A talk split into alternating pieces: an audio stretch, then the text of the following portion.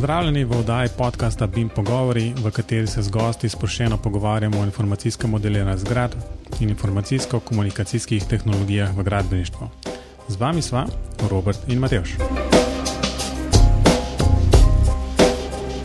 Pozdravljen, Robi. Pozdrav, Mateoš.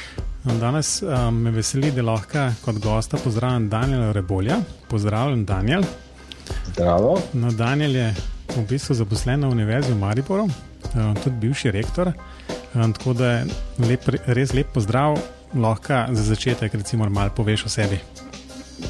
Najprej morda to, da, da pravzaprav tisto rektorstvo z BIM-om nima nobene zveze, uh, potem pa morda to, da so me strukture, torej opis, informacijsko modeliranje objektov me je zanimalo že dolgo, preden se je temu tako reklo. Uh, nasploh strukturiranje, povezovanje podatkov, informacij, take reči so mi nekako blizu. No. Uh, zato sem tudi po končanem študiju gradbeništva uh, vzrl nek razpis za magistrski študij in sem se spisal na računalništvo. In sem potem magisterij delal na računalništvu, pri čemer je treba povedati, da to ni bolonski model bil takrat. Uh, ampak mogoče to niti ni bistveno. Oh, je bistveno, to bi še res. Tako, lahko rečeš, da si ta prav magister, ne računalništvo, No, ne, evo, ja, ne točno. tako pač dvoleten. Ja, ja, ja. Tri, tri, vsaj tri. No, in tisti magisterij je bil, prav, en, en, to sem šele kasneje ugotovil, eden, eden, eden prvih BIM-ov. Uh, vključeval je podatkovno bazo, uh, tako doma narejeno, malo je dišala po relacijski. Um, in uh, grafični modelirnik za pač modeliranje takih bolj preprostih konstrukcij. No, v smislu, modelirati se je dalo eh, statični model, ne, ne arhitekturnega. Uh, in je bilo prav lušno, ker se je na tisto reč pol navezalo nekaj aplikacij, ki smo jih takrat na našem, kaj smo že imeli, laboratoriju za računalništvo v gradbeništvu, nekaj takega. Uh, se je navezalo kar nekaj aplikacij za razne analize, pa dimenzioniranje, pa take zanimive stvari. Torej, še vedno me zanima um, strukturiranje, pa kakšne nore ideje me tu pa tam spreletijo, recimo o, o nanogradni, torej avtomatizirani gradni. Ja, avtomatizacija v gradbeništvu me zadnja leta precej priteguje. Um, pf, kaj bi še človek o sebi povedal? Ma, nič posebnega. No, je, No, je, saj mislim, mislim, da je kar nekaj istočnic, o katerih lahko kaj rečemo. Uh, zdaj, jaz bi najprej še nekaj povedal, kar je Matejš pozabil, ne, da, da definitivno bi se spodobili, da bi mi do prej povabila uh, v BIM pogovore, ampak po drugi strani je pa to otvoritev druge sezone, tako da tudi to nekaj šteje. Um, najprej bi vprašal, kdaj, kdaj se to sploh dogajalo, ta magisterij, kjer ga leta, tako da bo poslušalci dobili malo občutka, od kdaj se že govori o tej. BIM-a. Ja, uh, jaz sem začel eh, s tem magistrskim študijem tam nekje sredi 80-ih, mislim, da 84. In je pol ta ideja nekako zorela, nastajala, uh, magistriral sem pa nekje potem, kaj je bilo, 86, 87, tam nekje, niti ne vem točno. No. In potem je sledilo enih par objav te, te ideje, tega koncepta, tega izdelka, ki pa nekako niso prav, torej se tudi takrat nismo ravno ne vem, kaj objavljali. Ne. Če smo šli na kakšno konferenco, je bilo to že dosti. Um, no, in med drugim je bila, je bila ta ideja, oziroma ta modelirnik in ta baza in ta koncept predstavljeno na, na enih eh, tistih eh, zelo zanimivih dogodkov, ki jih je IKPR v tistem času organiziral uh, uporaba računalnika v gradbeništvu, nekaj takega. Ja, in je bila kar debata okoli tega, ali lahko mi zdaj vse v eno tako bazo, tako strukturo stlačimo, ali to ima smisel ali nima smisla. O čemer je tekla debata potem še nekaj desetletij, dokler niso pol, uh, pač uh, nismo prišli do, do tega, da BIM je pa le uporabna reč, kjer pa se zdaj zopet sprašujemo, ne, a je kompleksnost IFC-a že presegla uh, neko mejo še obvladljive kompleksnosti ali ne, in kako daleč bo to šlo. In ja, jaz mislim, da tu obstaja plafon. Uh, ne da se vsega zmodelirati. Uh, nekako čutim, da, da bo treba stvari bolj, bolj, bolj odprto. Uh, no, pa čutim, se, se, se govori o tem, da bi pravzaprav z uh, tehnologijami, ki jih ponuja umetna inteligenca, pa ontologije, pa vse to, da bi na ta način uh, pravzaprav um, te modele nekako. Dinamično, ali pa podmodele, posamezne modele, ja, podmodele dinamično povezovali, oziroma da bi se povezovali nekako po potrebi. Ne.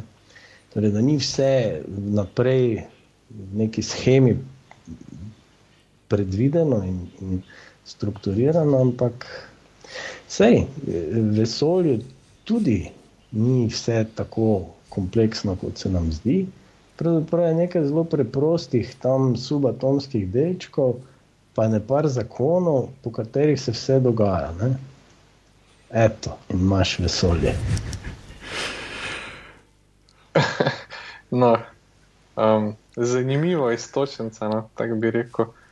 Mislim, meni se zdi zelo pomembno, da smo to zdaj postavili v nek kontekst, da govorimo o BIM-u, oziroma ne, govori se o BIM-u že tam cirka 30 let, uh -huh. s tem, da je šel v teh 30 letih je šel čez en kup enih, preimenoval se večkrat. No.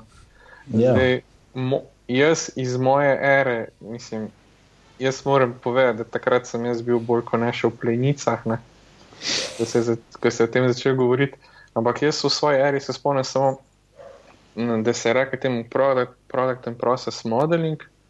Um, pa mislim, da še ne par pomenovanj, a se mogoče spomni, kdo dvajo kako se še reče, BIM-u v zgodovini. Ok, ne vem, če je bilo pred tem product and process modeling, kaj, um, kakšen naziv, ki bi ga tako bolj večinsko uporabljali. Takrat je bilo res, mislim, vsaka raziskovalna skupina imela neko svoje, svoje ime za, za tole reči pa taka baza objekta, pa, pa ne vem, vse mogoče stvari, pa gradbeniški informacijski sistem, pa vsega vraga je bilo. Uh, no, in ja, seveda ta produktni model je pa pravzaprav pa ni prišel iz naših logov, ne, gradbeniških, ampak uh, prav iz. iz Poskusov modeliranja kompleksnih objektov, oziroma ne objektov v gradbeniškem smislu, ampak, ampak ne, strojev, eh, avtomobilov, produktov. Skratka, Uh, se mi zdi, da smo mi gradbeniki malo odpadli takrat v, to, v te zgodbe, pa v, v zgodbe v zvezi z uh, stepom, ne, oziroma z temi uh, takrat uh, prvimi uh, strukturami, strukturnimi schemami, podatkovnimi schemami. In uh, se pa res ne spomnim, če so bila, ni, nič mi kaj ne odzvanjajo, še kakšna druga imena. Vem samo to, da smo se veliko um, ukvarjali s vprašanjem, ali je najprej procesni model, pa je produktni model podrejen procesnemu ali obratno. Ne? Še neke pesmice smo si peli na V78, Product and Process Modeling. ja, se mi zdi, to je bilo v času, ko se mi zdi, da je ta neka industrializacija gradbeništva bila v bistvu zelo popularna. Ne, ne bil v bistvu uh mhm. -huh. ta strojniški model um, nekako skoraj za zgled gradbeništva vzeti in reči, da okay, zdaj mi pa radi gradbeništvo naredili tako nekako ponovljivega kot neko tovarno, nekje z nekih ne vem, avtomobilskih delov, pa avtomobilov, ne, neki tasga. Mm -hmm. In od, tud, od tukaj pol tista povezava s stepom, ki je jasno zelo, zelo uh, strojniška zadeva. In zelo, v bistvu, že dolga leta, ne, še predno je IFC sploh dobil svoje ime, je step v, v strojniških krogih bil zelo razširjen in, in je uh -huh. še mhm. zdaj. Uh -huh. uh, Tako da je od tukaj najbrž tisti product and process ja. modeling. Ja, se to je zanimivo, ne, da, da je gradbeništvo, uh, bi rekel, v tem, um, tem, tem digitalizaciji se malo približevalo, pa malo oddaljevalo od, od, od industrijskega um, inženirstva, oziroma od, od tega industrijskega pristopa. Potem, kasneje, tudi, ali pa bomo rekel na področju gradnje, tudi ne, se je v nekem obdobju začela dogajati avtomatizacija, no, že recimo prefabrikacija elementov, torej elementi izdelanih v tovarnah, so, so ena taka industriali, industrializacija gradbeništva. Potem imamo tisto obdobje avtomatizacije v 90-ih na japonskem, eh, ko so te robotske tovarne za gradnjo eh, visokogradnjo. Eh, izumljali in uporabljali. Potem smo spet malo oddaljili, tako je nekako, ne, malo niha to vse skupaj, kar se mi zdi zelo naravno. Um, kam pa to pelje, ne? kam pelje pa avtomatizacija gradnje, je pa eno zelo zanimivo vprašanje, do katerega bomo verjetno danes še prišli. Ja. Ja, zdaj, jaz mislim, da smo po teh naših točkah, ki smo si jih zastavili, bolj od zadaj začeli. Ali pa smo okay. prve dve spustili, pa smo skočili na zadnjo, ki je tako bolj fancy. Ne? Ampak yeah. v ja. bistvu ta istočnica z avtomatizacijo vsekakor ne boš vodi tudi v to nanogradnjo. Mm. Um, no, in prej smo začeli tole snemati, smo se malo pogovarjali in sem omenil, da si um, imel tudi TEDx um, v Mariboru predavanje na to temo. Ali lahko kaj o tem poveš, ker Bomo dali jasno ja. tudi link v zapiske, tako da vsem poslušalcem priporočam, da si to pogledajo. Mislim, da je tisti video nekih 12 minut, 13 minut dolg, um, res se splača vzeti ta čas in pač to poslušati. Ne? Ampak v parih besedah um, ali pa parih stavkih. Okay. Eh, zelo me je tam 2009, 2008, 2009 pritegnila um, nanotehnologija ideja sama, koncept, torej, da se nekaj gradi, sestavlja na, na neki atomski ravni. Ne. Kar se je morda zdelo še nekako sprejemljivo za, za rekel, neke preciz, precizne aparature ali pa neke nanorobotke, pa v medicini so zagrabili to idejo. Uh, meni se je pa zdelo, da ja, je šment če gre iz nano nivoja na recimo milimetrski, pa centimetrski, zakaj pa pol ne bi šlo na metrskega in nekaj metrskega. Sej, vprašanje je samo um, količina takšnih eh, nanorobotkov, ki pač nekaj gradijo.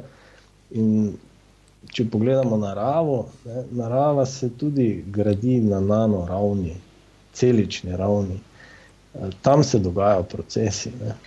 Drevesa rastejo, so v bistvu, eh, lahko bi rekli, nanogradnja. No in, um, takrat sem potem uh, izkoristil uh, skoraj ves svoj čas uh, kot gostujoči profesor na Stanfordu, uh, zato da sem to idejo raziskoval. Uh, Hecno je pa bilo, ker se o tem nisem najprej pogovarjal z kakšnim uh, fizikom ali pa um, s kom iz, iz tako imenovane material science, uh, ampak z enim biologom. Uh, v tisti zgradbi, kjer je tale center za integrirano gradnjo oziroma Center for Integrated Facility Engineering, uh, je namreč uh, v kleti bil ravno 2009 uh, odprt nov uh, laboratorij za sintezno biologijo. Uh, in tja so takrat privabili Drewa Endija, biologa, uh, zelo uspešnega na MIT-ju, ampak s tem laboratorijem so ga ne, privabili na Stanford. No, ko so imeli otvoritev, uh, mislim, da maja 2009. Uh, sem bil slučajno tam s študenti našimi, ekskurzijo smo šli. In uh, ob tej otvoritvi je tam seveda bilo tudi za jesti in za pit, in naši študenti so to jasno takoj zvohali. In smo že bili v kleti tam, kjer je bila otvoritev, in potem mene cuka drug en za rokav, pa reče, kdo si pa ti, čisto tipično kalifornijsko, ameriško. Uh, in so se začela pogovarjati, in jaz mu povem o tej ideji nanogradnje. Pa rekel, wow, tu mora biti pa jaz tudi zraven. in mi na servieto napiše svoj e-mail. Tako, ono res taka klasična zgodba. Um, in ja, ko sem potem jeseni, septembra, pravzaprav uh, prišel tja, sva se v tej zgradbi, mislim, sva se dosti srečevala in uh, uh, risala po tabli in razglabljala. Pri čemer sem imela zelo različne koncepte. Ne. Jaz sem razmišljala o tem, kako bi od zunaj posredoval model eh, navodila za gradnjo nekim nanorobotkom. Eh, kasneje se je potem izkazalo, da, da bi bilo najboljše, če so to kar celice, ki jih nekaj naučimo. Medtem ko je drugi Andy že od vsega začetka razmišljal o tem, kako bi on sprogramiral celice, oziroma kako bi jim kar celo, cel načrt sprogramiral, da bi potem to počele od spode gor. No, kakorkoli, zanimive, zanimive razprave so bile. Uh, Martin Fischer, ki je eden od vodij tega Sajfija, se je vključeval uh, Pol smo imeli en seminar tam, pa še enega na Berkeleyju, ker se mi je tudi zdelo vse skupaj zelo zanimivo. Eh, no, in pol smo še en članek na to temo napisali skupaj, in uh, iz tega je potem izšel tudi ta TEDx, oziroma to predavanje, ta prispevek. Uh, pa še nekaj takih predavanj je bilo, ampak ne, tu je zdaj pa ta ampak. Ampak v gradbeništvu, v raziskavah, mi smo pravzaprav, mi smo, mi smo vedno malo zadaj. Uh, se pravi, malo pogledamo, kol, kaj se kje dogaja, recimo v računalništvu, pri materialih, razvojih materialov, v nanotehnologiji, pa potem to malo nekako uporabimo v nekih svojih idejah in konceptih. Uh, meni se je pa takrat zdelo, no, vse se mi še zdaj, da zakaj pa ne bi gradbeništvo, ki je tako pomemben ekonomski, um, ima tako pomemben ekonomski delež v svetu, zakaj pa ne bi mi enkrat narekovali uh, ali pa vse spodbujali nekih temeljnih raziskav na drugih področjih, ki bi pomagali uresničiti naše ideje. In potem sem poskušal malo ohranjati ta stik in sintezno biologijo, ki dela ogromne korake v smeri, kaj se vse da um, celice naučiti, jih sprogramirati, da delajo res čuda stvari. Pred kratkim sem bral, da znajo tudi, um, torej, da, so, da jih že učijo malo v smeri sestavljanja nanocevk, da, da, da so že nekaj na tem področju tudi uspeli. To, to je tako je bilo upsne, to pa je en tak pomemben temeljni kamenček za nanogradnjo. Ampak uh, mislim, da se bo zgodilo to, da se bo dogajalo to, kar se je že v preteklosti, da, bo torej, uh, da bomo morali mi malo počakati, da bo te stvari prišle tako daleč, da bomo lahko sestavili v neko rešitev, ki bo gradbeništvu pomagala. Um, ja, mogoče je to malo velik zalogaj za. torej, ne vem, ne vem. Meni pač ideje nekako dobro grejo ne, od, od rok ali pa od glave, ampak uh, potem, ko bi pa pravzaprav bilo treba nekaj pa takole uh, zorganizirati, pa, pa narediti iz tega en projekt. No, vse smo poskušali. Uh, poskušali smo v, torej v, v, v tem zadnjem, ne že v FP7, no kakorkoli. Pa, pa je bil odgovor, da je to malo preveč ambiciozno zastavljen projekt. Eto. Ja, v bistvu vse načeloma, če pogledaš, tako res um, se sliši um, popolnoma neverjetno. Um, še posebej, če pogledaš skozi okno, pa vidiš v bistvu neko tako res klasično gradno, um, kjer že les um, zelo težko se, se navadimo in rečemo, ok, bi pa v leseni hiši živel. Um, jasno, da je to od lesa in, in opeke kamna in ne vem kaj že vse, v bistvu do nekih nano zadev, so vsaj v recimo, normalnem življenju čisto svetlobna leta. Um, ja, je pa, je ja. pa sigurno, mislim, priznam pa totalno, da, da, da je v bistvu ideja nora in jasno. Se mi zdi, da je problem s takšnimi idejami verjetno samo ta, ne, da bi bilo to recimo v začetku mišljeno tako za kakšne. Um, recimo, manjše, bolj enostavne zgradbe ali pa dele zgradb, recimo na območjih, ki, um, ki so recimo finančno šipkejši in tako naprej. Ne? Mm. Ker zna pol potegniti za sabo, ja, vse tisti, kjer je pa denar, ne, tih pa to tako ne zanima. Ne? Ne, ne, in ne. Potem, potem si pač tako, da imaš projekt, ki je preambiciozen, jasno, ker pač oni vidijo jasno zaslužek v, v nanoindustriji, v, v, v medicini in ja. tam, kjer je velik denar. Ja, vse, vse po eni strani je, je bolje, da se razvoj dogaja počasi, ker če se prehitro, potem, potem um, se nam strga ne, trak in potem. Družba, družba tega ne, ne zmore prebaviti. To mislim, da se nam je tako že. to je tudi res. Uh, po drugi strani je pa tako, ne, da, da drevesa, kot sem že prej omenil, se gradijo na nano ravni. Uh, fantastično je, seveda, to, tem, o tem sem se z drugim Endijem veliko pogovarjal, pa on o tem pač veliko ve kot biolog, uh, kako pravzaprav se to informacijsko dogaja. Ne? To je noro. Um, Ampak pustimo to. Ta ideja, z, moja, pač je bila pa ta, da e, pravzaprav svetlobo uh, prenašamo ukaze in ustrezajo zadostno energijo do teh bio-nanorobotkov, ki potem uh, gradijo uh, karbonsko nanozgradbo uh, z lastnostmi, ki jih na določenem delu stavbe potrebujemo. In uh, karbonske nanocevke in te strukture so zelo zanimive, ker jim lahko z spremembo geometrije eh, teh atomov ne, samo uh, in v bistvu nastavljamo lastnosti. In so lahko elektroprevodne, ali pa niso elektroprevodne. Lahko so gostejše, lahko so redkejše.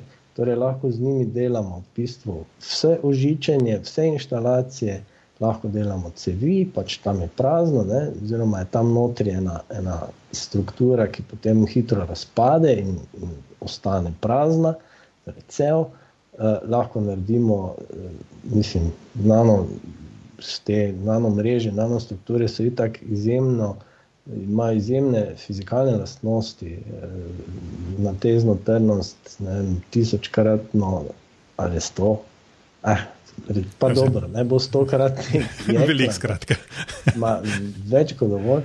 Uh, lahko so zelo redke in so izjemno izolativne. Ne? Torej, iz enega materijala, ki mu spremenjaš lastnosti, lahko ti narediš cel objekt, vse, ne, ne enostaven objekt, kompliciran objekt z vsemi potrebnimi inštalacijami. V teoriji, seveda.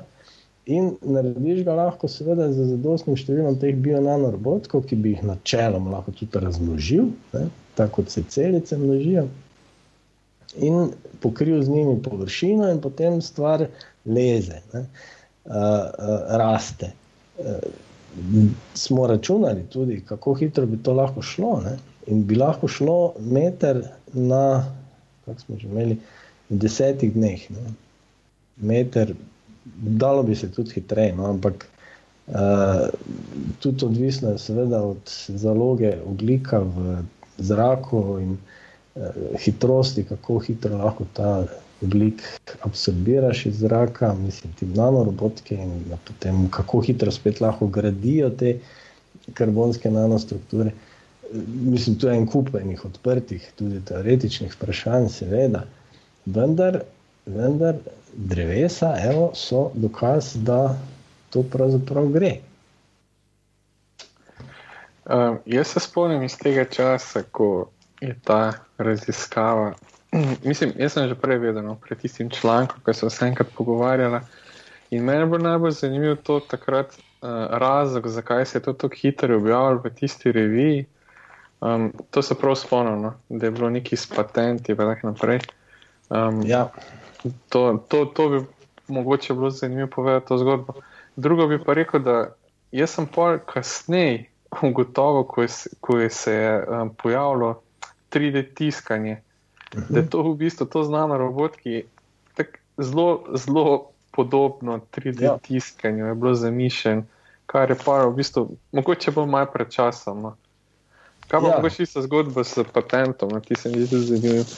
Ja, ja, ideja je bila v tem, da se čim prej objavi, da ne bi bilo možno patentirati. Ne? Da ne bi mogel kdorkoli patentirati, ker ko je enkrat nekaj objavljeno, potem se tega več ne da patentirati. To je pač en tak princip. Uh, skratka, moj interes ni bil to patentirati, ker potem je takoj, ja, no, sej, kaj pa vem, kaj je prav. Meni se zdi pa vseeno bolj prav, da, da je to nekako javno dobro. No. Če bo kdaj eh, do te realizacije, pa jaz verjamem, da bi lahko prišlo. No. To bi seveda pomenilo kar precejšno revolucijo. Kar pa po drugi strani vidimo, ne, da avtomatizacija že povzroča eno, eno zelo pomembno revolucijo v, v človeški družbi. Um, Nikaj, roboti bodo in avtomati bodo prevzeli vse te rutinske in še kakšne naloge. Uh, in bil bi čas, da bi mi vsi nekaj imeli od tega, ne, ne samo tisti, ki bodo imeli te tehnologije vlasti. Tu smo pa zdaj že na enem čisto drugem področju, sociološko, družboslovnem. Ja. Ja, um, no, ampak dajmo se držati, bi jim pogovorov. Ki pa je tudi pomembna revolucija. Ne, ne to pa definitivno. Ja. Um, lej, se, se pa jasno v celoti strinjam.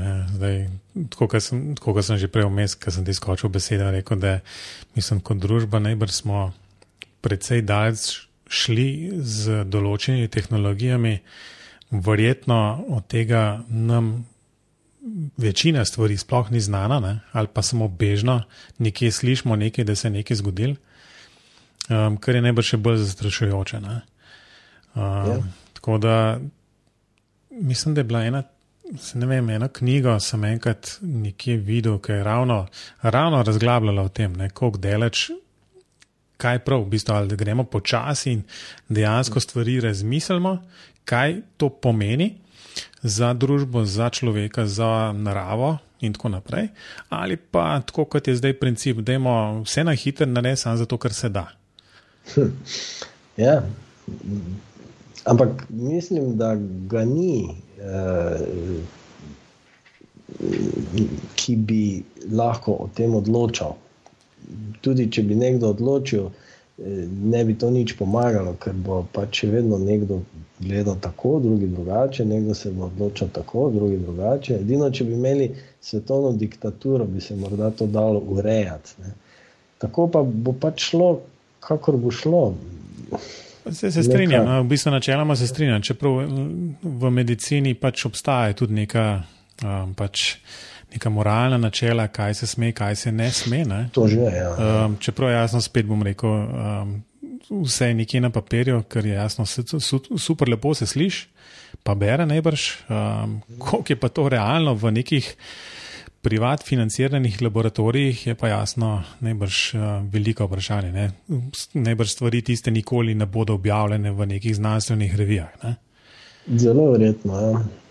Um, torej, najbolj zanimive stvari verjetno niso objavljene v revijah. Tako je. Ja.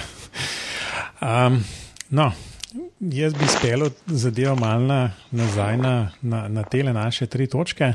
Um, omenil si že um, Stanford, ko si bil gostujoči profesor, čeprav sem pravzaprav tam leta 2009, uh -huh. um, pol kasneje si bil tudi v Korku.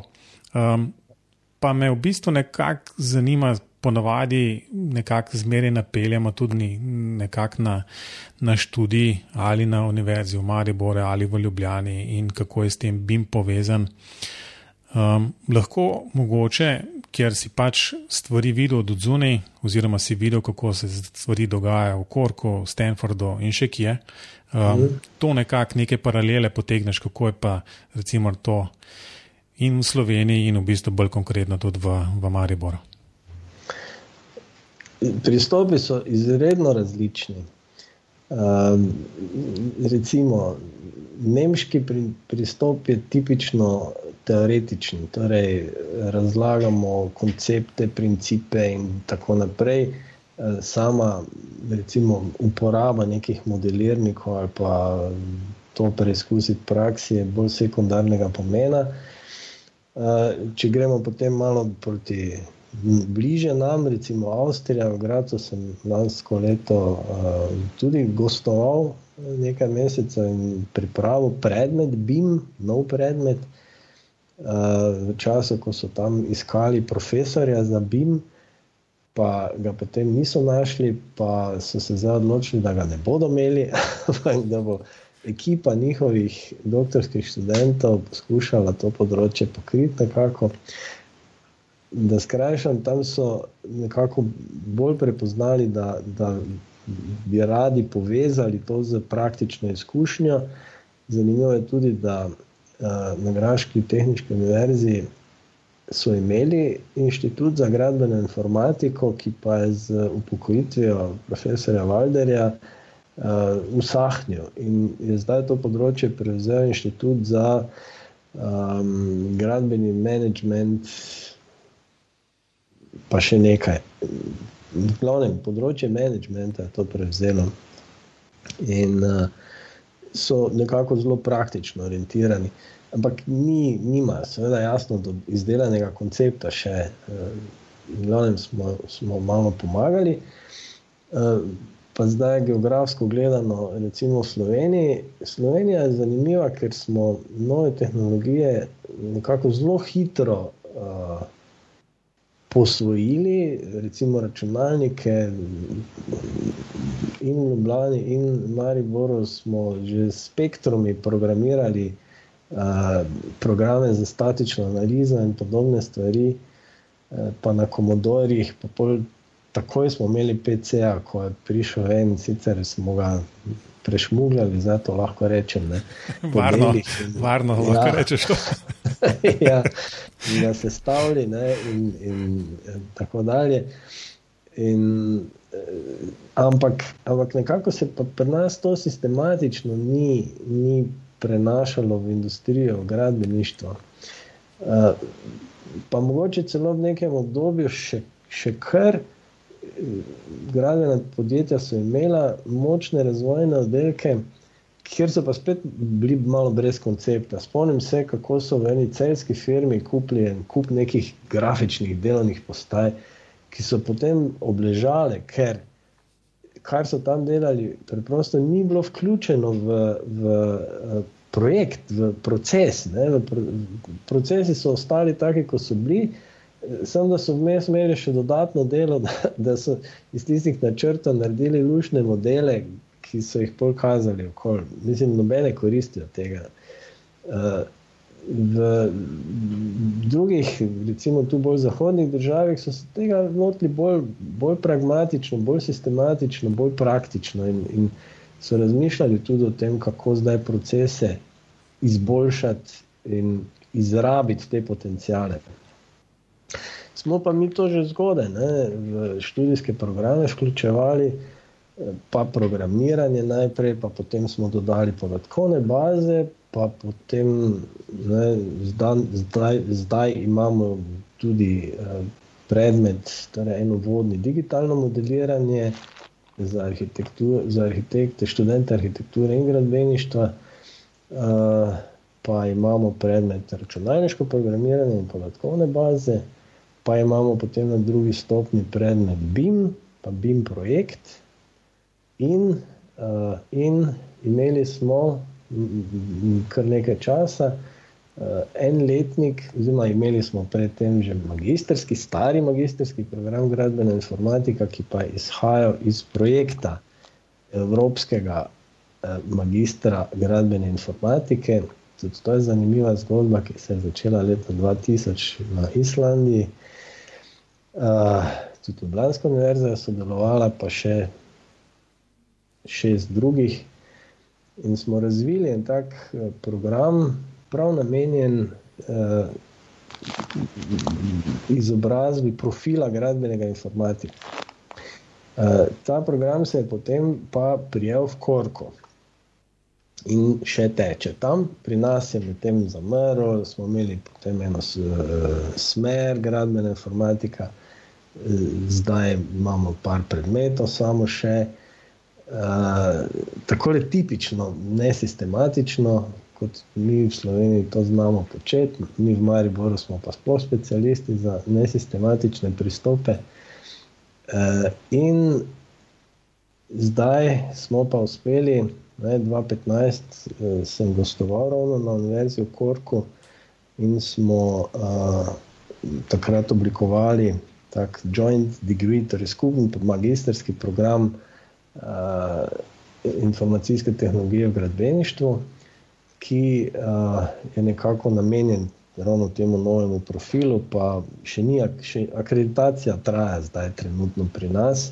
Pri njih je že šla skozi, ker pač je to na ravni univerze akreditirano. Um, računamo pa, da bo letos to šlo skozi in da bo 2018 se začel ta mednarodni program, ki ga bo pa jasno treba pol, uh, ustrezno ponuditi. Pri nas bo to izredni študij. Pri njih pa je to tako plačljiv študij, ker država plačuje samo prvo stopnjo. Morda sem še ta razlika v zvezi s Korkom in Stanfordom. Mene je zelo presenetilo, torej Kork ima program, ta, ki smo ga razvijali v okviru tega ITC Euromaster projekta, gradbene informatike, um, kjer je nekaj takih temeljnih projektov, uh, predmetov uh, iz področja računalništva, recimo software design, pa tudi z področja podatkovnih struktur. Pa, ne vem, skratka, ne, ne take podlage, ki se potem usmerjajo v uh, bime in v avtomatizacijo, in, in tako dalje. Um, zanimiv pa je pristop na Stanfordu, vsaj leta 2009, je bil pa takšen imeli so predmet, ki smo rekli CAD, in pri tem predmetu so, se, so, so imeli arhitekta, ki so ga povabili iz enega podjetja, ki se je pač spoznal na modeliranje, in on jim je razlagal Revit. In so računalniški učilnici, študenti ponavljali tisto, kar jim je on pokazal, so oni ponovili. In meni to nekako ni šlo v glavo. Pa kak, nobenih osnov, pa BIM, pa vse so ja, v mnogih raziskovalnih projektih sodelovali, ampak ne. Uh, in, in razlog je pravzaprav zelo preprost. Tam so zelo brihtni študenti. In če ti takemu študentu daš v roke Revit ali pa Arhiket ali pa bilo kjer orodje za modeliranje in greš z njim to skozi, bo on sam pogruntal koncepte. Eh, pri nas bi temu rekli, da, da, da, da študentov učimo neke recepte. Ne? In bi pri nas to tudi bilo tako, verjetno. in, in to je en čist uh, smiseln pristop v strokovnih programih. Pač, treba je študente naučiti, kako uporabljati določena urodja, tehnologije, in ko diplomira, bo to lahko takoj uporabljal. Uh, nekako razumemo, da na univerzitetnih programih pa jih učimo koncepte, ne, torej jih učimo principe in, in zakonitosti, in potem izpeljemo iz tega, uh, učimo jih, kako naj to uporabijo. In, res sem bil šokiran, ko sem videl, da tam pa stvar zagrabijo totalno pragmatično. Sem, bistvena razlika je v študentih, v njihovih motivacijah, v njihovem predznanju tega, kaj oni iz tega potegnejo. No, jaz bi tu malo skočil, če lahko, ko je nekaj stvari, ki bi jih rad pokomentiral. Absolutno. Um, najprej bom tudi pri Stanfordu se ostavil. No. Jaz sem ga tudi malo oddaleč po vohu kot študent, ne. sem bil na tistem programu od Renate Fruchter, uh -huh. BBL. Um, in jaz tako rečem, da ni v, v predznanju ni nobene razlike. Študenti v Sloveniji znamo precej, precej več, oziroma vse takrat, ko sem jaz bil, smo bili precej boljši. Ne? Razlika je pa izključno v motivaciji. In ja. to zato, ker oni pridejo na ta predavanja in na te vaje, in oni dejansko oni grizejo si nohte, če je kakšna minuta zamujena. Res, oni dejansko hočejo zvedeti vse, oni bojo iz asistenta, iz profesora, bojo izcuzali zadnje tom, yeah. Ja. zadnje tom, ki ga ima tam, zato ker hočejo dobiti za svoj denar čim več, kar lahko. Ja. So tudi izjeme, nekaj Stanford, vse to verjetno vsi vemo na Stanfordu, je tako zelo malo tistih um, dejansko američanov. No? Mm. Večinoma so bolj tisti potomci nekih priseljencev. Ne? Ampak tisti pravi američani, to so največji luftari na Stanfordu. Vse, ja. mislim, to govorim iz vlastnih izkušenj. Ja, ja, ja. Drugi povedano, uh, drugi pa res grizejo na polno. No. Jaz tudi povem eno anegdoto, ko smo mi pripravili zaključno predstavitev in je bilo to en dan pred predstavitvijo, in smo imeli še zelo veliko za narediti. In smo sedeli vem, tam 10 ur, pa pa kar enkrat en, en indijski študent ustane in reče: Smo morali iti na predavanje. Ne. Pa mi rečemo, pa kam greš, mislim, da je nekaj, da bom to dokončal, boš pač zamudil. Ne, pa rekel, ne, ne, tako, jaz nisem plačal 35 tisoč dolarjev za to, da ne zdaj tule zamudijo predavanje. In je šel. Ne. In to je tista motivacija, kako nas pač ne moramo doseči. No, to, to je pač žalostno dejstvo. Uh, zdaj, druga bi pa rekel tudi to. Jaz sem bil tudi, mislim, da prvi študent, ko je končal ta ITC Euromaster.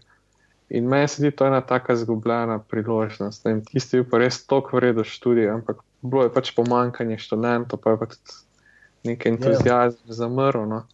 Ampak tega študija je res, res, res manjka. Ne. Sploh pa zdaj v tem času, ko je ena univerza, sploh tako mala, kot so slovenske, ne more pokriti vseh tem. Enostavno ne more. Ja. Uh, se popolnoma strinjam. Ne? če mogoče najprej še jaz pokomentiram uh, Stanford. Uh, torej, ta predmet, kjer sem šel jaz malo pogledat, kako to teče, je bil na prvi stopni. Mislim, v tem njihovem štiriletnem študiju. Uh, PBL, kolikor vem, je master, pa, pa tudi doktorski študenti so, so zraven. Mogoče celo večini so doktorski. Ne, ne, ne, ne ker master je večino. Ja, ja, imate predmet, je to tam. Ampak z drugih koncev sveta in z drugih univerz so pa to tudi doktorski študenti zraven. Drži, ne? Ja, ja, to pa drži. Jaz sem bil takrat tudi doktorski študent. Uh, no, in ja, seveda, tam je, tam je pravzaprav magistrski študenti na magistrskem študiju, so, so čisto druge zgodbe kot študenti na, na prvi stopni, torej na dodiplomskem študiju. Um, in so večinoma že tudi zaposleni in, in tam študirajo, pač predvsem zato, da ponadaljujejo na doktorskem, eh, to, ta magistrski. Uh, in, in je tudi zelo praktično usmerjen. Ne? Uh, tudi na te stopni, kot sem bil tam, se ne spomnim, da bi kakšna predavanja bila res tako teoretična, ono tako, kot jih znajo kakšni Nemci udariti. s kakimi IFC strukturami v nulo, noter do zadnjega bita. Ali ontologijami. Ja, ja, uf, ne. Tega jaz tam nisem opazil. Uh, Tako se mi bolj zdi, da, da postavijo stvari v zgodbo in, in potem, ja, študenti pa pol kopljajo, ne? motivirani so pa zelo. In že čisto po naravi, po, po, po, po Gausu, če pogledam, in na razporeditvi, eh, reko, neke zdrave pameti, pa interesa, pa tako dalje. Ne, je, je, če pogledamo tam, sprejet vsak deseti študent, ki se prijavi, pri nas pa eh, so sprejeti vsi. Torej, Uh, bo pri nas velika večina študentov, žal, nemotiviranih in to se odraža na celoten letnik in, in na celoten potek študija. Z tistimi študenti tam je pa lušno delati. En predmet, tako izbirni, sem tam oblikoval, programiranje za inženirje. Pa smo malo delali v Visual Basicu, v Excelu, pa malo z Rubijem, v, v SketchUpu, zelo lušno. Uh, to je čisto neka druga zgodba. No. No, pa, ja, nekaj bi še dodal. No. Um, se pa tem študentom običajno vidi, da jim manjka neka teoretična podlaga. Ja. Vsaj iz svojih izkušenj vem, da vem, recimo, smo v skupini počeli stvari no, in smo rekli, pač eni iz Stanforda, eni punci, no, da je ti pa, pač temeljenje, malo začel reči, ne znam. Kako ne znaš na drugi stopni Stanforda, reka pač nisem vzel tega majorja in pač ne znam. Ne. Ja. Oni so zelo osko specializirani. Mi smo tudi tega skupini, ki je bil specializiran za eksplozije v stavbah. Mislim, tega pa nas dejansko ni, ne. ni znal pa ja. nič druga narediti. No. Teda, ja. mogoče, mislim, prav zanima me, zdaj, kaj, kaj z BIM-om tam počnejo. No.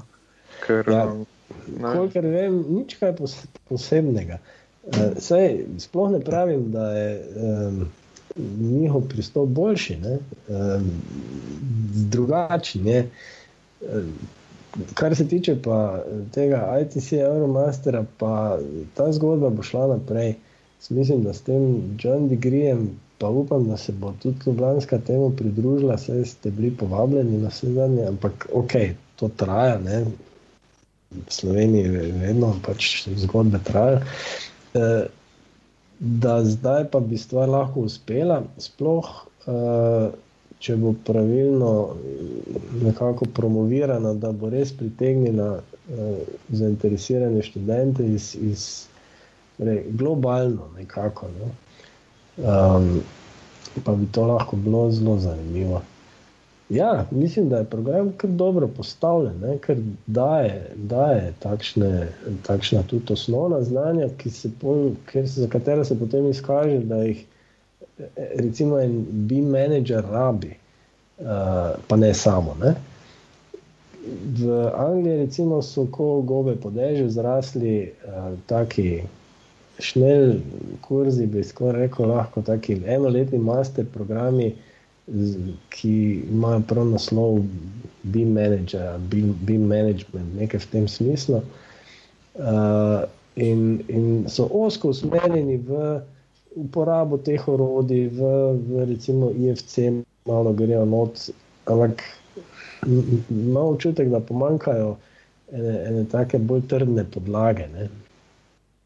Um, tako da, ja, verjamem, da bo ta program šel naprej in da bo uspešen upam. ja. um, ja, jaz sem prepričan, da, da mislim, zmeraj je zanimivo slišati te, te različne pristope, ne, ker ponovadi z zrobijem bolj nagibava k neki, um, nekim bolj temeljnim znanjem, da je treba to študente učiti. Um, mm ker imamo pač take, takšne izkušnje, ravno z to motivacijo. Zanimivo je, da se je umenil tistih, recimo, da je vsak deseti sprejet. Ne. Tako se mm. običajno pohecamo, v bistvu, da je ravno tistih 10% je res dobrih študentov v nekem mhm. letniku. Ne. In s tistimi desetimi procenti bi moral delati. Nažalost je, so najbrž ravno to študenti, ki jih nikoli ne vidiš. Ne. Uh, ker so neproblematični, vajo, znajo narediti, uh, naredijo tisto, kar se od njih zahteva, ne hodijo na govorilne ure, zato ker jim je tako vse jasno. In dejansko si izpostavljam potem uh, študentom, ki pač imajo določene težave, ker nič ne pomeni, da so kakorkoli slabši, ne? ampak uh, na koncu koncev se ukvarjaš z pač ne najboljšimi, no, da bom tako rekel. Ne? Ja, ja. Pol se vprašaš, kaj je namen šole. Eh, Veliko krat smo slišali, da je najboljši učitelj tisti, ki iz poprečnih naredi dobre, ali pa iz podpoprečnih poprečne, ne pa tisti, ki iz že itak briljantnih pol naredi. Ja, Briljantne. Dodana vrednost, bi rekel, je pomembna. Uh, in, in ni vse v ekscelentnosti in odličnosti, in niso vse univerze za tistih top 0,5%. Um, kaj je bolje, kaj je slabše, pa mislim, da, da se preveč s tem ukvarjamo včasih, no, pa neke lestvice, sem pa lestvice. Um, narediti pač največ in najbolje s študenti, ki ti zaupajo in so prišli na nek program. In, in tisti, ki niso motivirani, tako ali tako ne hodijo na predavanje, tistih tako ni blizu. Um, s tistimi, ki so, pa, pa seveda čim več. No, danes smo imeli zanimivo govorilno uro, prišel je en študent pri programiranju. In cel nesrečen sedi tam in reče: Jaz tega ne znam, jaz tega ne razumem. Uh, E, pa ste hodili na predavanje. Ja, ja, včasih, kaj pa vaje. Ja, no, skratka, izkazalo se je, da on bi, ampak ne bi. Ne?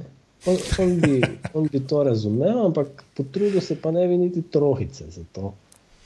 Ja, ja te so mislim, najboljše. Ja. Po drugi strani pa smo imeli letos prvič resen tak preboj pri programiranju, ki, ki sem ga strašno vesel. Uh, imeli smo pač prvi kolokvi in, in je bil porazen. In v tem sem jaz rekel, nič tega ne bomo šteli, ponovili bomo prvi kolokvi. In smo šli skozi tistega ponesrečenega, vse tako tabla, pa pridi ti to, pa dajmo to skupaj. In ker so vedeli, da jih čaka ponovitev, so bili motivirani. In evo, v drugem poskusu jih je, mislim, da tri četrt pisalo pozitivno, in ena celo 99%, še tisti en, no, bil en kiks. Eh, prav ponosen sem bil na njih. Poanta je bila v tem, da smo prejšnja leta hoteli preveč. Tokrat pa sem si jaz rekel, nič, manj je več dajmo mi te osnove, osnove, osnove utrjevati, da se, da se zgodi ti preboj, da zaštekajo, kaj je sploh spremenilka, pa kak sploh neka zanka teče, pa kaj se dogaja. In, in ja, evo, smo, smo uspeli to narediti in res sem vesel. Ker verjamem, da, da programiranje pa je eno tako znanje, ki, ki je zelo, zelo koristno za inženirje, še posebej, ne, v bistvu pa za vse. In to je tudi ena zanimiva zgodba iz Stanforda, kjer um, tam imamo enega, enega slovenskega profesorja, ne, Jureta uh, Leskovca. Leskovca, ki je bil tudi na enem našem Out of the Box predavanju, da je bil taki lokalni TEDx. Uh, in je povedal, da preko 90, mislim, da je celo rekel 99% vseh študentov izbere vsaj en predmet iz računalništva. Programiranje, prav. Ne? Pa so tam umetniki, pa so ekonomisti, pa so vsi živi. In, in evo, ta, ta težnja, ne, da bi. Da bi ne, mogo, mislim, vse ne, da bi zdaj bili vsi programeri, daleč od tega, ampak da si znaš neki makro narediti, ali pa si ne, neko, neko ponovljajoč postopek malo zautomatiziraš. Je pa super stvar, in, in če hočeš to znati narediti, se ti mora zgoditi tisti klik, kako programi funkcionirajo v osnovi in kako se to približno naredi. In ja, v kakem revitu si, ali pa arhikedu si prav hitro eh, nekaj sprogramiraš, ali pa SketchUp z Rubijem, ali pa ne, in uh, si olajšaš delo kot inženir. Dane, če te lahko prekinem, ker je tole programiranje tudi v bistvu taka moja bolj priljubljena tema, ki imamo tudi pri študentih to. Um, a te smem samo vprašati, v katerem letniku imaš, um, z katerega letnika so študenti, ki poslušajo to? Prvi letnik. Ja. Odlično, pa smo čist, smo čist na istem, ker imam jaz tudi to na prvem ja. letniku. Vse, vse mislim, da to spada v prvi letnik. No? Ja, se strinjam, se strinjam. Im daš neko osnovo za naprej, v bistvu, ker lahko te stvari že porabijo v, v času študija. Ja, ja. S tem, da bomo zdaj celo smo, ne, um, spremenili program, tako da imamo zdaj dva predmeta programiranja in to v prvem in v drugem semestru bomo imeli naslednje leto. Um, tako da bomo lahko še bolje to utrdili, ne, ker v enem semestru je res malo težko. Ja, zanimivo. Ja. Mi smo ja. ravno pri bolonskem študiju šli iz teh dveh semestrov na samo enega, kar se jasno, kar precej poznano. Tako da uh mhm. -huh. je pol na koncu to programiranje zreducirano samo na testi 7-8 tednov in je, ja, in je ja. kar, kar mal, tako mal časa za kaj resnega narediti. Če pa vi delate, pa um, v bistvu smo do pred treh let um, Visual Basic. Ampak zdaj um, pa v Pythonu. Uh -huh. um, predvsem pač zaradi razloga matrik in pač teh računov in matematičnih operacij in podobnih stvari. Um, s tem, da se ta Visual Basic del morda delno prenese potem v, v Excel v obliki makrookazov, tako da oni sicer skozi Python slišijo osnove in vejo za zanke in datoteke in spremenljivke in podobne stvari. Um, potem pa pač v, v Visual Basicu pač te stvari porabijo tudi v, yeah. Ja. v Excelu. Ne? Ja, ja no, vse pristopi eh, so zelo različni in nobeni napačni, po moje. Mislim, eh, več, več pravih poti obstaja. Ne? Ja, tako je. Tako. Um, no, dotaknili smo se že izobraževanja, pa imamo še zadnjo točko, recimo, malo za dotaknjence in to je recimo um, neka splošna izobraževanja za recimo te že obstoječe arhitekte, gradbene inženirije in druge uh, iz prakse in IZS, se pravi. Inženirska zbornica Slovenije je pred kratkim organizirala kratko izobraževanje um, na temo BIMA. Um, tam smo se tudi um, mi dva srečala po dolgem času in smo se ja. zmenila za, za tole. Um, lahko, recimo, malo stisneš um, nekako tvoje vtise osebne um, iz tega izobraževanja? Moj vtis je bil, da so bili tam zelo motivirani uh, udeleženci, kar se mi je zdelo super. Res, res uh, od tega pa lahko nekaj odnesejo. Ne? Uh, teh izobraževanj je pravzaprav ta hip kar nekaj. Uh, vem, da en strojni inženir nekaj predavanja vodi nekje, pa neko knjigo je napisal, nisem je žal še videl. Ampak ne vem. Uh, imela je tudi ena, ena, torej še eno tako BIM izobraževanje, je potekalo v Slovenki, ne v Velenju, pardon, ne v Slovenki. No, skratka, tudi tam mm, sem imel prispevek, pa so bili tudi motivirani poslušalci. Um, tako da težnja po tem znanju je, je izjemna. Uh, tole pri IZS-ju uh, se mi je edino zdelo malce, kako bi rekel, uh, torej bi, bi ena, ena malo boljše zaporedje, ne, eno bolj usklajeno zaporedje, verjetno da bi ta tečaj tekel še bolje.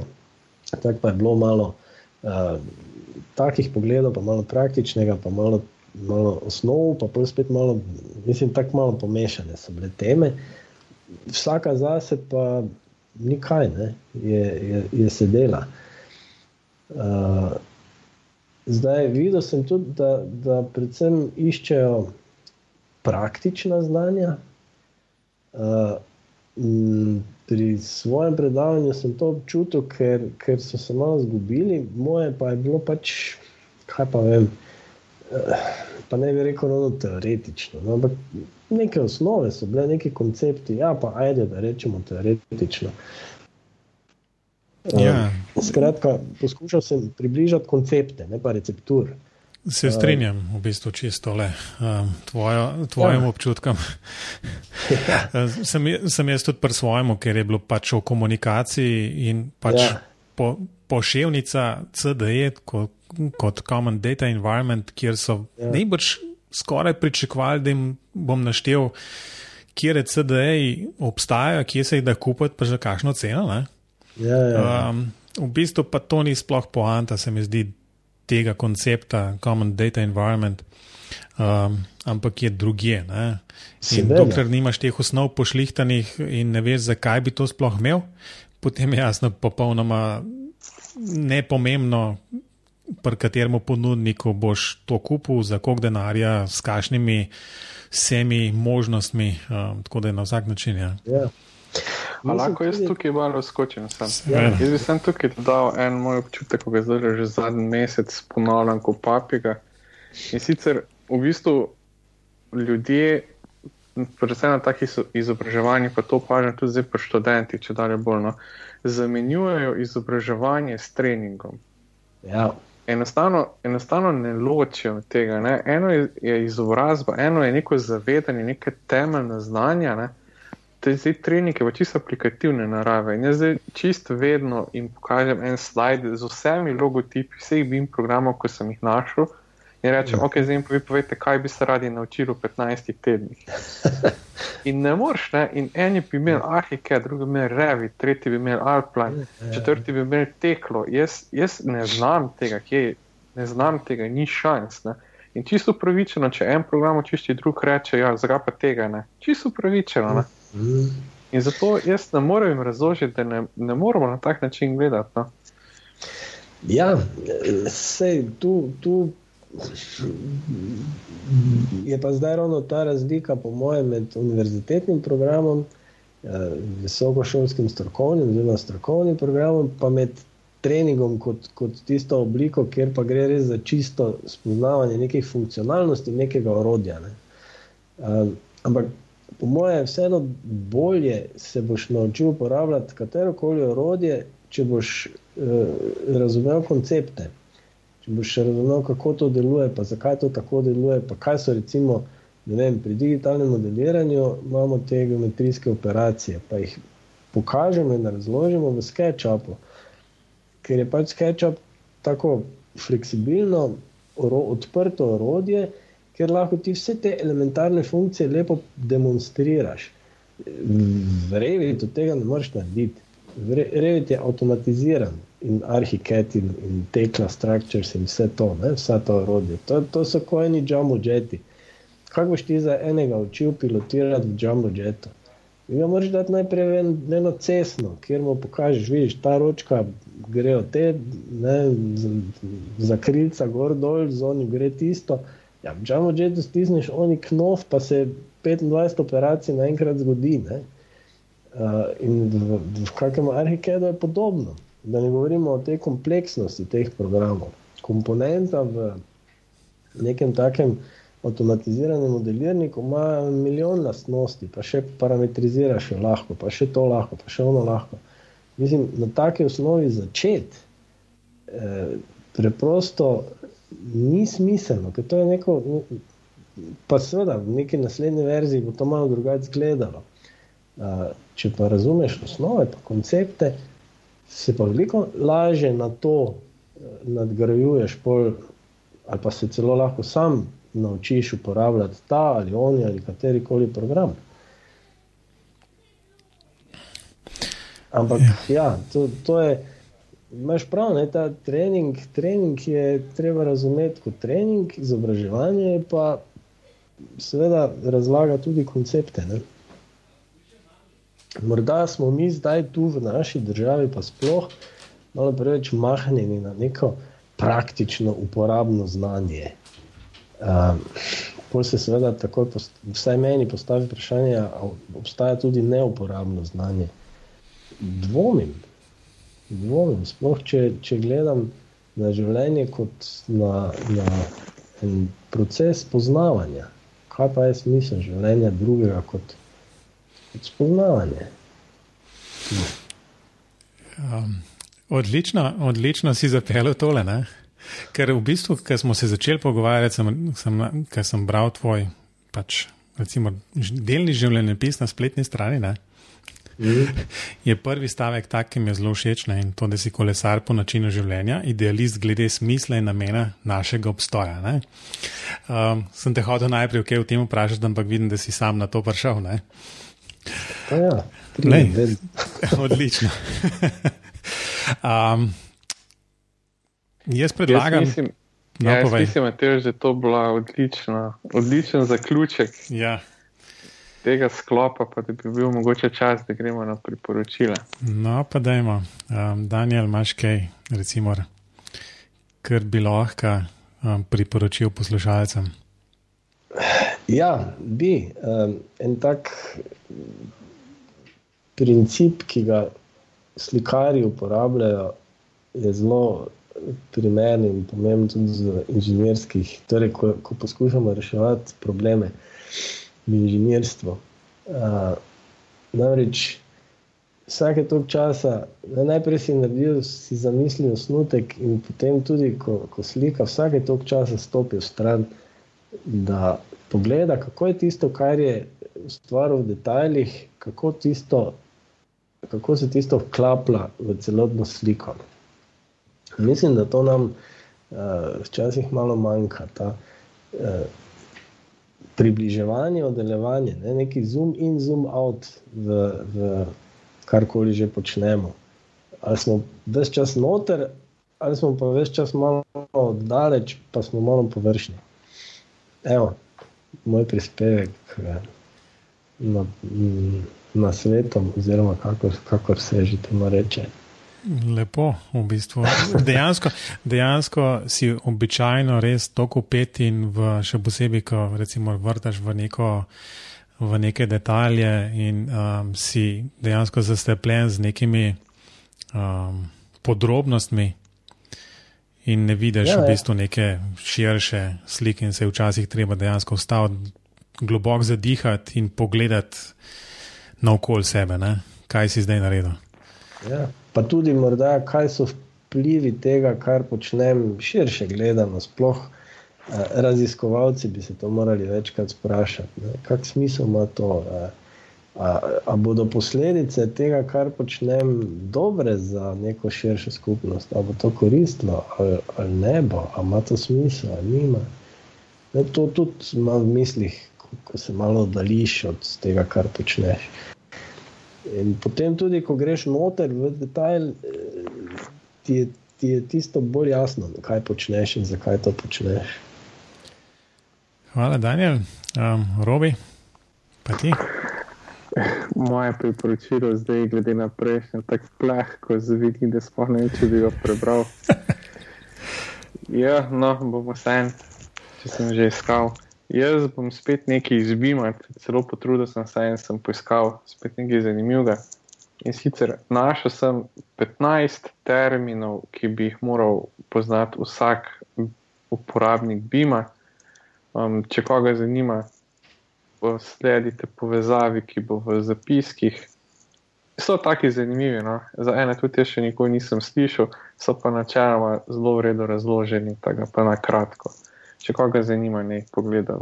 Zdaj pa ve, ena, ena, robi, ena, dva, tri, povej take, ki jih nisi poznal prej. Uf, da grem pogledat. Pa vse so same čudne. Okay, to so, eh, recimo, employers information requirements. Ah, robi. master information delivery plan. Poznam information delivery plan, ampak da pa še yeah. Ja. master plan obstaja. Okay, to sem CDM, je Mateo še razložil. Ja, ta ER je zelo s CDM povezan. Ja. Project to. Information Model, to si se spet nekaj izmislil. Asset Information Model. Recimo, jih je že bilo, ene par. Pa to Ej. pas 1192, to je neka specifikacija. Druge Ej. sem pa kar poznal. No. Se verjetno jih bo vsaj polovica odmrla v naslednjih petih letih. Ali Uh, pa v desetem letu. ja. Ja, to vse prihaja od tam, ne, od tistih um, level 2, um, drugega nivoja, Bima v, v Angliji. Ne. In tistega, tistega, famoznega, tistega famoznega procesa Bima in potem, kako, kako se te viri, oziroma pač.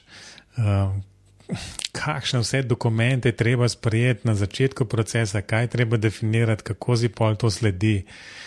Mislim, da je to tisto, ki se vprašaš, v bistvu smo mi res malo zašli ne, z te neke normalne smernice, v bistvu, ki se razumeš, ne, na velikih projektih. Na vsak način ti dokumenti so skoraj obvezni, samo da se jim zdaj reče, um, kot si ti rekel, kot ta prvo, naprimer uh, Employers Ne vem, Information je. Requirements. Mislim, ta je, ta je tak meni zelo všeč, no, sicer, ampak um, to je tisto, kjer dejansko noter definiraš, ama res čisto vse v taki preprosti angleščini. Ne vem, kje programe bomo uporabljali, kje verzijo, kje bojo kakšne datoteke, kako si bomo to izmenjevali. Mislim, take stvari so noter zapisane. ne, Mislim, ampak to je jasno super, da ima kratico ER, ne, ker jasno še nimamo dovolj kratic. Ne, ampak to je direktna posledica tega, kar je Daniel prej omenil. Tak, Univerza v Gracu je pač BIM dala pod oddelek za management in kaj oni naredijo, pač prodajo ga. In pa pač dobimo po pet kratic na leto, da ne bi kdo pozabil, da BIM še obstaja. ah, se ne bomo pozabili, ne tako hitro. Ja, seveda, da ne, zaradi tega, ker imam jaz odlično priporočilo za, za trenutke, ko z BIM-om ne gre več naprej. In to je ena audio knjiga avtorice Pole Hoggins. Uh, knjiga ima naslov Into the Water. No, v bistvu zdaj sama knjiga najbrž ni še prav, ne vem kaj znana, ne, zaradi tega, ker je začetku aprila šele ven prišla, oziroma ne, začetku maja. Um, no, ampak avtorica je pa znana po knjigi um, Girl on the Train. Uh, skratka, dekle na vlaku, uh, bil, po kateri je bil tudi film posnet pred kratkim, je bil, mislim, leto nazaj, recimo, je bil v kino. In um, ta knjiga je pač, recimo, nova od te iste avtorice in je, recimo, precej zanimiva. No, zdaj, pa, zdaj pa, ko si že knjigo omenil, pa moram jaz še eno konkretno, uh, eno konkretno priporočilo navesti. Uh, tudi knjigo uh, in sicer uh, ameriškega fizika uh, Mičija Kakuja, ne, Mičijo Kaku. Uh, in sicer se imenuje Physics of the Impossible. Uh, audio knjigo se da brezplačno najti na spletu, zelo priporočam uh, takšno odpiranje um, zavesti. Se, se lahko zgodi, ko to poslušamo in, in si poskušamo zamisliti, kaj nas, kaj nas še vse čaka. Mm, Izkaže se namreč, da fizikalni zakoni večino tega, za kar nekako velja, da je nemogoče, uh, pravzaprav eh, sploh ne nasprotujejo temu. Ne? In da je marsikaj, za kar smo prepričani, da ni mogoče, pravzaprav mogoče. Ja. No, bomo, bomo tudi tole polinkali noter.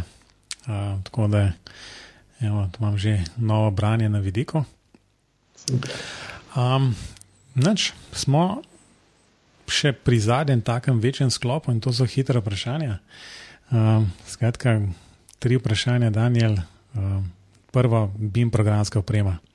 En program, moraš reči, ali pa storitev meni je ali karkoli. najljubši- Ja, meni je najljubši SketchUp. Uh, pa zdaj vem, to ni BIM program, ampak lahko pa je.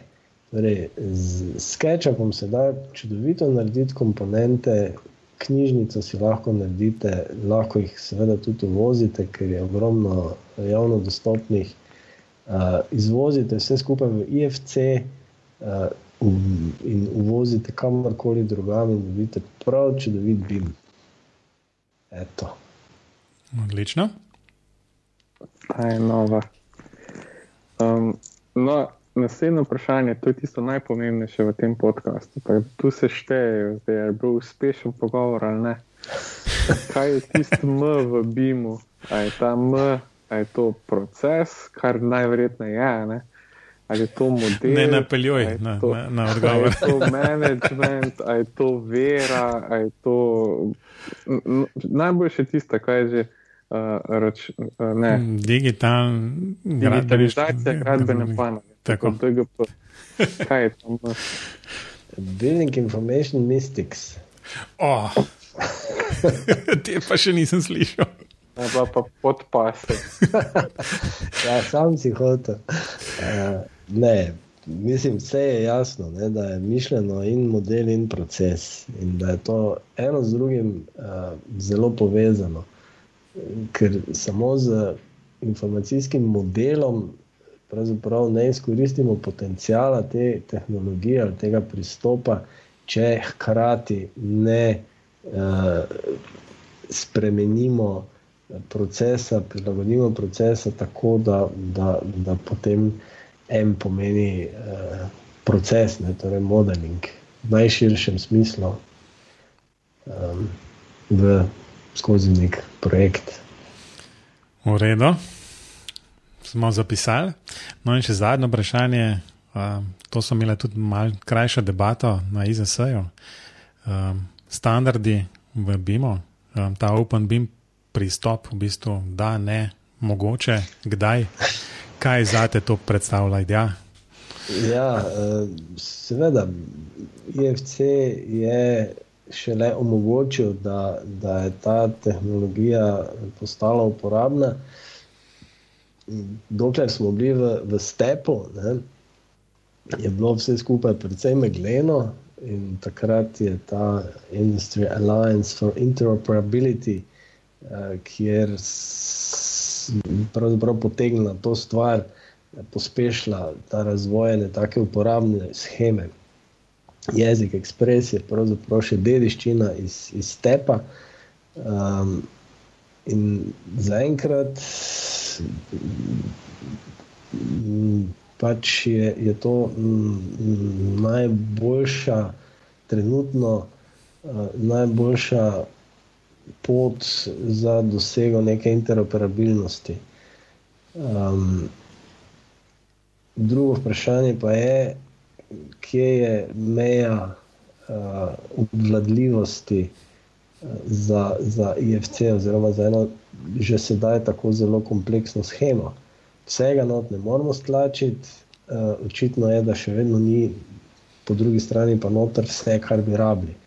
Dobro, so te možne ekstenzije, da se marsikaj polinkati, obstajajo tudi za to načini, ampak jaz bi vseeno rekel, da, da velja razmišljati o enih bolj dinamičnih in odprtih eh, načinih interoperabilnosti, ki bodo, po mojem, vključevali v veliki meri tudi umetno inteligenco. Okay. Ja, bom jaz kar da zapisal, ne?